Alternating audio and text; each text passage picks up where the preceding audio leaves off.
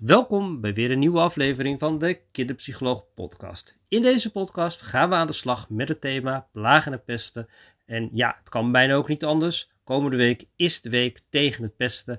En ja, dan kan ik er natuurlijk niet aan voorbij gaan. Natuurlijk, plagen en pesten staat bij mij het hele jaar centraal. Ik begeleid het hele jaar door kinderen die te maken hebben met plagen en pesten.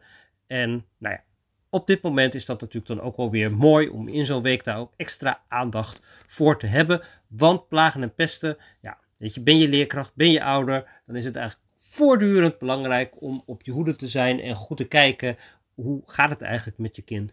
En tegelijkertijd merk ik ontzettend vaak dat plagen en pesten heel vaak niet gezien wordt en dat kinderen wel pogingen gedaan hebben om het plagen en pesten te bespreken met de leerkracht, met de ouder of op andere plekken en dat dat dan niet gehoord is. Heel vaak is het ook gewoon dat kinderen um, ja, het wel denken dat ze het gezegd hebben, maar ja, het zo gebracht hebben dat de ander het niet begrepen heeft. Nou, daar gaat van alles in mis. Maar soms is het ook schuld en schaamte, waardoor kinderen het gewoon niet durven te zeggen en het heel lang bij zich houden. En er is natuurlijk ook een groep die het wel vertellen.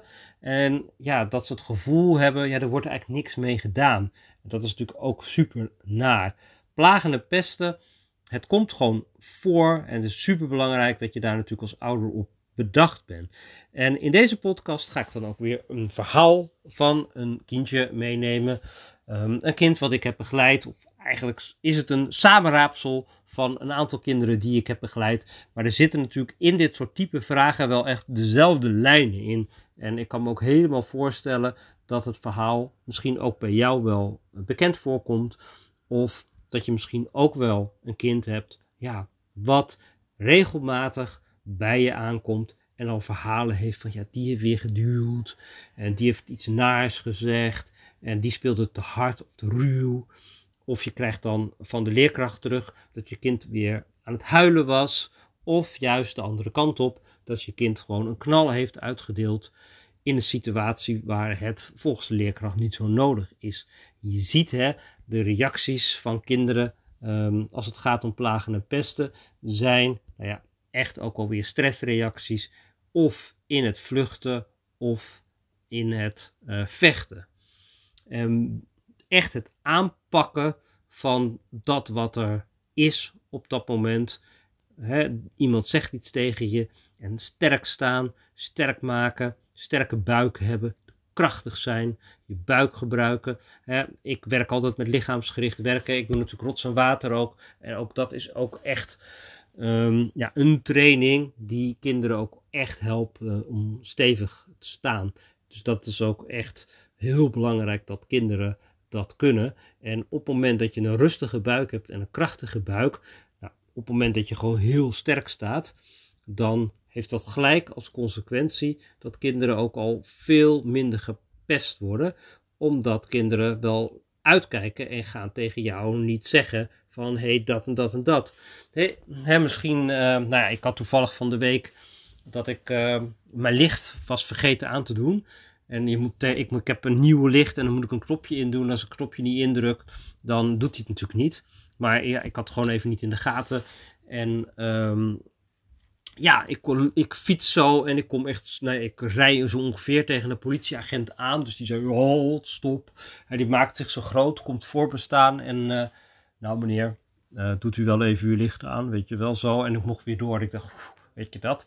Maar hè, dat is dan, hè, die staat dan zo krachtig en zo sterk. En die heeft dan nog zo'n mooi pakken aan. En dat is natuurlijk super, super overtuigend. En dat helpt mij natuurlijk dan ook gelijk. Uh, ja, weet je, dat zorgt gewoon in één keer dat ik helemaal ga vol gaan onder gaan zitten. Dus dat is natuurlijk een mooie, superkrachtige houding. Maar ja, het is natuurlijk ook vaak dat jouw kind helemaal niet zo'n krachtige of sterke houding heeft. En voortdurend met, um, um, ja, met verhalen thuis komt van ja, die doet wat en die doet wat en zo. En vaak zijn het ook één of twee jongetjes of meisjes die dan elke keer weer genoemd worden. En um, ja, dat je echt denkt van ja, hier moet echt wel iets aan gebeuren jouw kind mag echt wel sterker staan. Of ja, misschien denk je van ja, maar uh, ze moeten van mijn kind, ze moeten met hun poten van mijn kind afblijven. En dat je ook echt denkt van uh, het moet veilig in de klas zijn. En um, dat je wil dat er van alles gedaan wordt om dat kind, wat jouw kind belaagt, dat dat stopt. En dat snap ik natuurlijk helemaal. Um, ja, maar waar start je nu? Hè? Waar start je nu um, om dit zo op te lossen? Nou, wat natuurlijk super belangrijk is, en daar heb ik natuurlijk ook wel in andere podcasts al heel veel over gedaan, is dat kinderen in ieder geval de ruimte hebben om natuurlijk erover te vertellen. Maar dat is in dit geval wel zo, want jouw kind laat het in ieder geval zo dusdanig merken, of uh, doordat het gaat huilen, uh, wanneer er ruw gespeeld wordt. Hè, de leerkracht valt het op en die komt misschien bij jou in gesprek van, nou, uw kind mag wel ietsje sterker worden, ietsje weerbaarder worden hierin. Um, anderzijds merk je het dus thuis, hè, de verhalen ook. Nou, maar je weet het natuurlijk nooit helemaal precies hoe het nu gegaan is. Dat is natuurlijk wel hele belangrijke informatie om meer helder te krijgen van wat is er nou allemaal um, aan de hand. Um, en dan is het ook echt wel belangrijk om, ja, weet je, het verhaal van je kind is natuurlijk altijd waar. En ik ga altijd de verhalen van kinderen serieus nemen. Want als kinderen komen, ook al is het plagen of pesten, dan ga ik altijd heel erg luisteren. En dan ga ik ervan uit van oké, op het moment dat het voelt als pesten, en het is misschien plagen, of eh, je kind mag misschien wel inderdaad iets sterker of tegen een stootje kunnen, ga ik er wel vanuit van oké, dat lukt nu op dit moment gewoon nog niet. Uh, dus is het gewoon nog niet veilig genoeg of heeft je kind ook helemaal gewoon nog niet de skills, de vaardigheden om sterk te staan. Uh, het is natuurlijk wel fijn, dat, dat vind ik natuurlijk enerzijds heel belangrijk, dat kinderen als er een, um, een vervelende reactie gedaan wordt, of dat er een keer een duw is, of dat er een keer een slaan is op school, dat je de kind niet helemaal gelijk uit het veld geslagen is, en dat hij daar dus ook tegen kan. Um, en dat hij daarmee weet te dealen. Um, hè, het is natuurlijk mooi om het allemaal uit de wereld te halen, uh, maar ja, zo is de wereld natuurlijk niet. Je hebt wel te maken met mensen die over jouw grens heen gaan en dat je goed jouw grens kan bewaken. Super belangrijk om te leren. Dus dat is natuurlijk wel echt uh, waar ik dan echt aan de slag mee ga met het kind. Maar tegelijkertijd ja, zijn er natuurlijk ook kinderen die gewoon heel slecht in grenzen zijn en dus voortdurend over die grenzen heen gaan. Dus ja, in dit soort situaties zijn er dus kinderen die allebei eigenlijk wel iets te leren hebben. Bij broertjes en zusjes zie je die ook vaak. Dat de een heel veel over de grens heen gaat en dat de ander heel veel moeite heeft om die grens neer te zetten. Um, ja, dus dat is dan een parallel proces en beide kinderen hebben hierin iets te leren. Dus bij je leerkracht is dat natuurlijk heel belangrijk om dat heel goed zichtbaar te krijgen. Um, ja, nou, op het moment dat kinderen bij mij komen en ik ga met ze aan de slag, dan ga ik gewoon helemaal in kaart brengen van uh, ja, hoe die vriendenkring op dit moment in elkaar steekt. Dus dat vind ik altijd super belangrijk. Welke kinderen staan dichtbij, welke wat verder weg en dat ga ik allemaal tekenen. Uh, dat is eigenlijk de manier die ik in mijn vriendschapprogramma eigenlijk gewoon helemaal doe. Dus uh, ja, het vriendschapprogramma is natuurlijk super mooi. Want op het moment dat er plagen pesten is en kinderen zijn wat weinig weerbaar, is dit natuurlijk een heel mooi uh, programma om te doen. Waarin ik stap voor stap kinderen meeneem om die vriendenkring um, ja, aan te pakken. Soms hebben kinderen echt het idee, ik word gepest en ik heb geplaagd. Uh, ik word heel veel geplaagd. Nou, in die cirkel gaan ze die kinderen ook gelijk uh, naar buiten zetten. En wat ik dan altijd doe, dan maak ik er ook stemmetjes bij. of niet, ik maak natuurlijk de stemmetjes niet, maar dan maak ik van die tekstballonnetjes. Wat zeggen ze en wat doen ze dan? En dan heb ik er dus ook gelijk drie gelokaliseerd en dan weet ik ook wat ze doen. Oké, dus dat is ook fijn om te weten. En ben je leerkracht is het natuurlijk super fijn om ook te weten van hoe steekt jouw klas een beetje in elkaar. En wat zijn de kinderen die over de grens heen gaan. En soms zijn het ook gewoon kinderen waar iets mee aan de hand is. En dat zijn gewoon hele moeilijke. Nou, dat is ook goed om te weten. En die kunnen we niet laten verdwijnselen. Uh, ook al zouden we dat misschien graag willen. En je als ouder eigenlijk ook. Maar ja, weet je, uh, in elke klas zitten er natuurlijk moeilijke. En in de wereld zitten ook moeilijke mensen. En daar heb je ook mee te dealen. Dus we kunnen dat niet wegdoen. En ik ga er altijd vanuit van ja, ondanks de situatie, betekent het dus dat jouw kind hier de baas te zijn hebben. Nou goed, in ieder geval, uh, wil kinderen kunnen groeien, moeten zich veilig voelen. Dus dat is ook een hele belangrijke. Ik heb dan een beetje in kaart gebracht hoe de relaties liggen, welke dichtbij staan, welke kinderen ver staan. Dat, veiligheid. Dat is natuurlijk super belangrijk om daar gelijk um, iets voor te, ja, om daarmee aan de slag te gaan. Ja, veiligheid uh, doe ik met kinderen eigenlijk direct door aan te geven van als er iets is, dat kinderen het ook gaan vertellen. En vaak gaat die mis. Kinderen zeggen ik vertel het wel, maar in de praktijk hoor ik van de ander dat niet terug dat het gebeurt. Misschien is het wel gebeurd, maar er gaat dus iets mis.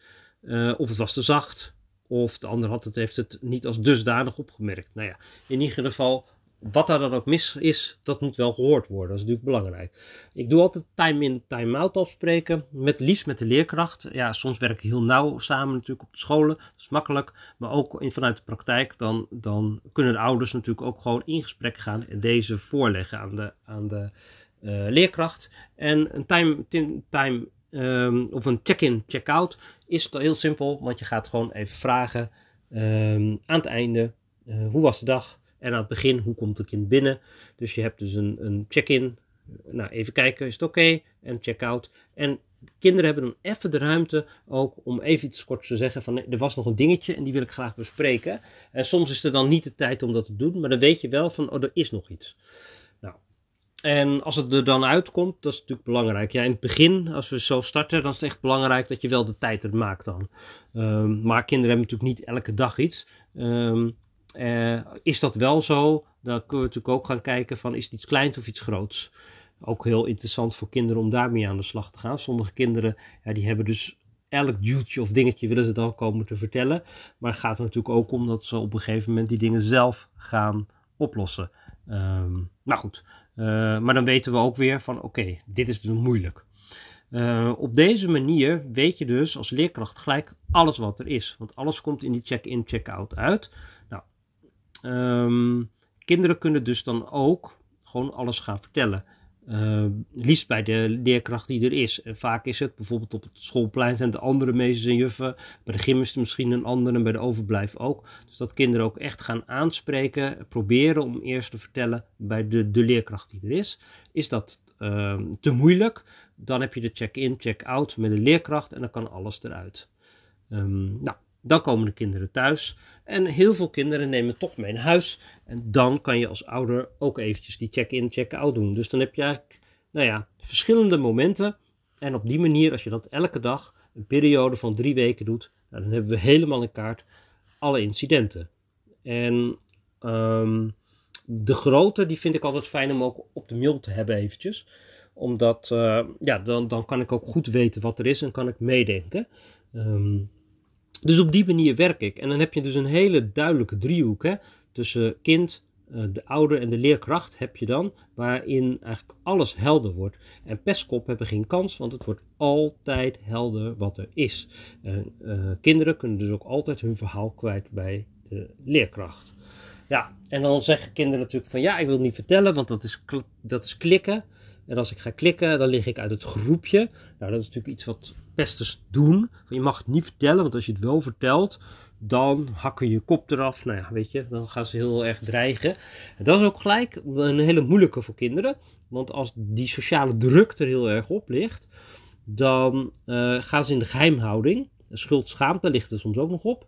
Uh, dus dat is ook echt zo een die echt moeilijk is. Dus uh, het is echt heel belangrijk dat je, als de kinderen komen, dat je ze ook echt goed hoort. En dat ze dus weerbaar gaan zijn. En um, ja, op moment, kijk, pesters en eh, pestkoppen zeggen dat natuurlijk altijd, want op die manier kunnen ze hun gang gaan. Maar op het moment dat alles bekend is en alles wordt stuk voor stuk aangepakt, en de leerkracht, ja, die kan dan vervolgens ook allerlei dingen doen, dan heb je natuurlijk gewoon dat, het geen, dat pestkoppen geen kans meer hebben. Dus dat. Dus zo ga je dus aan de gang en kan je werken aan veiligheid. Wat we natuurlijk vaak ook zien is dat wel in groepen, in zo'n klas, is er soms ook van alles. Hè. Sommige groepen zijn natuurlijk gewoon heel erg onveilig en daar is wat. Ja, dat is natuurlijk ook goed, want als de scholen dat signaleren, er zijn natuurlijk heel veel mogelijkheden van scholen om, nou ja, rots- en watertraining. Ik geef nu ook een rots- en watertraining in een hele onveilige groep. En daar zijn we dus nu ook heel erg bezig dat kinderen niet op elkaar reageren. Want dat zorgt voor vreselijk veel onveiligheid. Dat ze bij zichzelf blijven, dat ze sterk staan, dat ze krachtig zijn. En ook hier, ik begon alweer hè, met die buik en uh, het krachtcentrum daar, daar werk ik dan aan met de hele klas. Maar goed, voor jouw kind is het misschien ook juist wel handig om die weerbaarheid krachtig, sterk te staan, om dat te doen. Want je ziet hè, dat kinderen al heel snel heel snel dat die ademhaling niet meer lekker loopt en dat ze eruit gaan en reageren. Ja, en als ze eruit gaan, ja, dan zijn ze ook gelijk vaak een speelbal van de emoties. Dan is het ook gelijk huilen of, uh, of ze gaan een knal uitdelen. Oké, dus dat zijn in ieder geval hele belangrijke dingen die ik in ieder geval doe. En um, ja, een andere valkuil die natuurlijk nog wel leuk is om te bespreken, is ja, heel veel ouders, ja, die gaan natuurlijk als een leeuw opkomen voor een kind als er niet, uh, sorry, ze niet goed gereageerd wordt en die gaan dan in gevecht nou, niet, die gaan niet zelf in gevecht, maar die misschien voel je dat ook zelf wel. Dat je dan de neiging hebt om naar die ouder te gaan en hem eens even de waarheid over zijn kind te vertellen. Ta, ta, ta, ta, die, zo, dat soort acties. Nou, die werken vaak niet, want die zorgen voor enorme escalaties en dat de ouders vervolgens ook weer heel veel ruzie hebben. Dus dat is vaak niet de beste, uh, uh, beste manier om te doen. Uh, nou ja, soms dan, dan ken je de ouders goed en dan kan je het goed bespreken. Maar vaak eh, klikt het dan ook niet echt heel lekker met die ouders. En dan is het fijner om het via de school te, te houden. Dus dat je gewoon aangeeft dit en dit. En dan kan de school ook de gesprekken bijvoorbeeld gaan voeren met andere ouders. Alleen ja, jij hebt geen invloed op wat de school en de leerkracht doet. Wat je wel kan doen is elke keer in gesprek blijven met de school. Ook die gaat vaak mis. Dat de ouders toch uh, te weinig of niet durven te vertellen. Of uh, de leerkracht niet willen belasten ermee. Zo. Uh, en dan eigenlijk te laat de hulp inschakelen. Dus dat is echt ook echt een belangrijke om daar wel gewoon eventjes kort en dan heel neutraal even aan te geven. Zodat de leerkracht goed weet wat er speelt. Uh, zo. En ja, je kan dus niet weer terug horen. Dat is natuurlijk wel moeilijk wat de school precies doet. Het kan natuurlijk zijn dat de school verschillende interventies doet naar andere ouders, naar andere kinderen. Maar ja, die, die gaan ze niet terugkoppelen aan jou. Hè, vaak willen ouders dan, ja, dan moet dat andere kind geschorst worden. Of dan moeten de hele grote dingen doen. Maar dat is natuurlijk niet heel logisch dat er gaat gebeuren. Want scholen willen natuurlijk dat, dat dat is natuurlijk vaak ook hè, dat de andere kinderen, de, de, de pestkoppen, die zich vaak ook overschreeuwen en zich niet zo veilig voelen en nou ja, van alles ook met zich meedragen, dat die ook iets gaan leren. Maar goed, dan heb je ook weer de toestemming van ouders mee en de tijd en uh, nou ja, zo. Dus in ieder geval, dat is ook uh, belangrijk. Dus um, ja, zelf naar die ouders toe gaan, ook al voelt dat zo, is vaak niet echt handig. Wat natuurlijk wel handig is, is je kind sterker maken. Uh, nou ja, weet je, is een klas natuurlijk super onveilig en zit je kind gewoon niet op de plek. Dus hè, deugt de school niet, deugt de ouder, of deugen de ouders niet, deugen de kinderen niet. Hè, dan kan je natuurlijk helemaal gelijk hebben, maar dan is het misschien wel veel beter om te zeggen: ik ga naar een andere school. Maar meestal is het zo dat je met school in gesprek en wil kijken hoe je uh, je, uh, je kind hierdoorheen kan helpen. Um, voor de kinderen is het dan natuurlijk ook echt, dat lichaamsgericht werk natuurlijk super belangrijk. Nou, de emoties zijn natuurlijk ook belangrijk hè, om die te herkennen, te benoemen. Um, dus dat zijn natuurlijk ook echt de dingen die ik uh, ook uh, doe met de kinderen. Ik werk vaak individueel ook met uh, ja, veel rots- en water oefeningen. Want ja, die zijn natuurlijk heel erg gewoon gericht op plek innemen, grenzen aangeven. En zorgen dat je geen pijn gedaan wordt. Tegelijkertijd ook sterk staan Um, het verdragen uh, dat er nare dingen worden gezegd. Zorgen dat de dingen niet zo je hart invliegen, maar dat je je veel beter kan beschermen. Dat zijn super belangrijke dingen om met kinderen te doen. Ja, en tenslotte nog een paar tips voor jullie ouders. Blijf natuurlijk die open communicatie uh, met school, met je kind. En blijf zoeken naar oplossingen. En vooral uh, zorg dat school ook echt goed weet wat er allemaal um, speelt. En blijf steunen, blijf positief. Um, en geef je kind ook elke keer weer een, ja, een tipje mee of een handige zin mee op het moment dat er conflicten zijn. En, ja, en hou je eigen emoties ook in bedwang, ook al ja, gebeurt er van alles met je kind. Die is natuurlijk ook super, super uh, belangrijk. Ja, en ja, het is natuurlijk super mooi als je kind daar waar het kan natuurlijk zelf uh, gaat oplossen. Uh, ja, en je wil misschien ook hè, dat het zelfstandig daarin is. En aan de andere kant moet je ook een beetje aanmoedigen. Nou, en daar is natuurlijk een beetje zoeken ook naar balans. Dus dat is nog mijn laatste. Nou, zo, misschien ben je ook wel nieuwsgierig naar mijn uh, programma rondom uh, vriendschap. Vijf weken gaan we dan aan de slag met het uh, helemaal in kaart brengen van die vriendenkring. Uh, en daarmee heb je ook echt gelijk uh, een heel mooi um, mooie tekening is het dan ook, waarmee je ook de plagers en de pesten echt heel duidelijk in kaart hebt. Dus als je kind plagen of pesten meemaakt, is het ook echt wel een handig programma om te doen. Het is niet echt een programma helemaal gericht op het pesten plagen, maar wel die vriendschap te krijgen en die aansluiting te krijgen. En dat is misschien juist wel wat je wil voor je kind. En dan ook hè, om die vriendenkring uit te breiden en je eigen uh, krachten als vriend te leren kennen. Dus dat je daar uh, sterk in staat. Uh, dat je kind ook durft speelafspraken te maken, durft ehm, aan te spreken, dat, dat, dat het durft mee te doen. Nou ja, die dingen. Omgaan met afwijzing als je een nee krijgt. Hele handige vaardigheden die ja, voor kinderen die een pestervaring hebben. Um, ook heel goed kunnen gebruiken. Dus ben je nieuwsgierig naar mijn programma? Kijk eventjes straks onder de linkjes onder deze podcast. Uh, dan kan je daar naartoe. Op mijn website staan ze natuurlijk ook bij de programma's en dan de vriendschap. Bouwen aan vriendschap, sta, die, zo heet het programma, kan je doen. En hij zit natuurlijk ook in Binnenste Buiten. In Binnenste Buiten krijg je toegang tot al mijn programma's. Heb je een leuke redactie op deze podcast? Mail me eventjes info at jeugd- en kinderpraktijkrota.nl of www.jeugd- en kinderpraktijkrota.nl. Hier vind je natuurlijk heel veel informatie, mijn gratis checklist en natuurlijk ook nog heel veel andere blogs. Dus uh, check eventjes daar. En denk je van, oh, ik zou eigenlijk één op één begeleiding willen. Dat kan natuurlijk ook. Via contact kan je natuurlijk gewoon even een belafspraak plannen. Ik wens je verder een fijne dag en ik zie je bij een volgende podcast.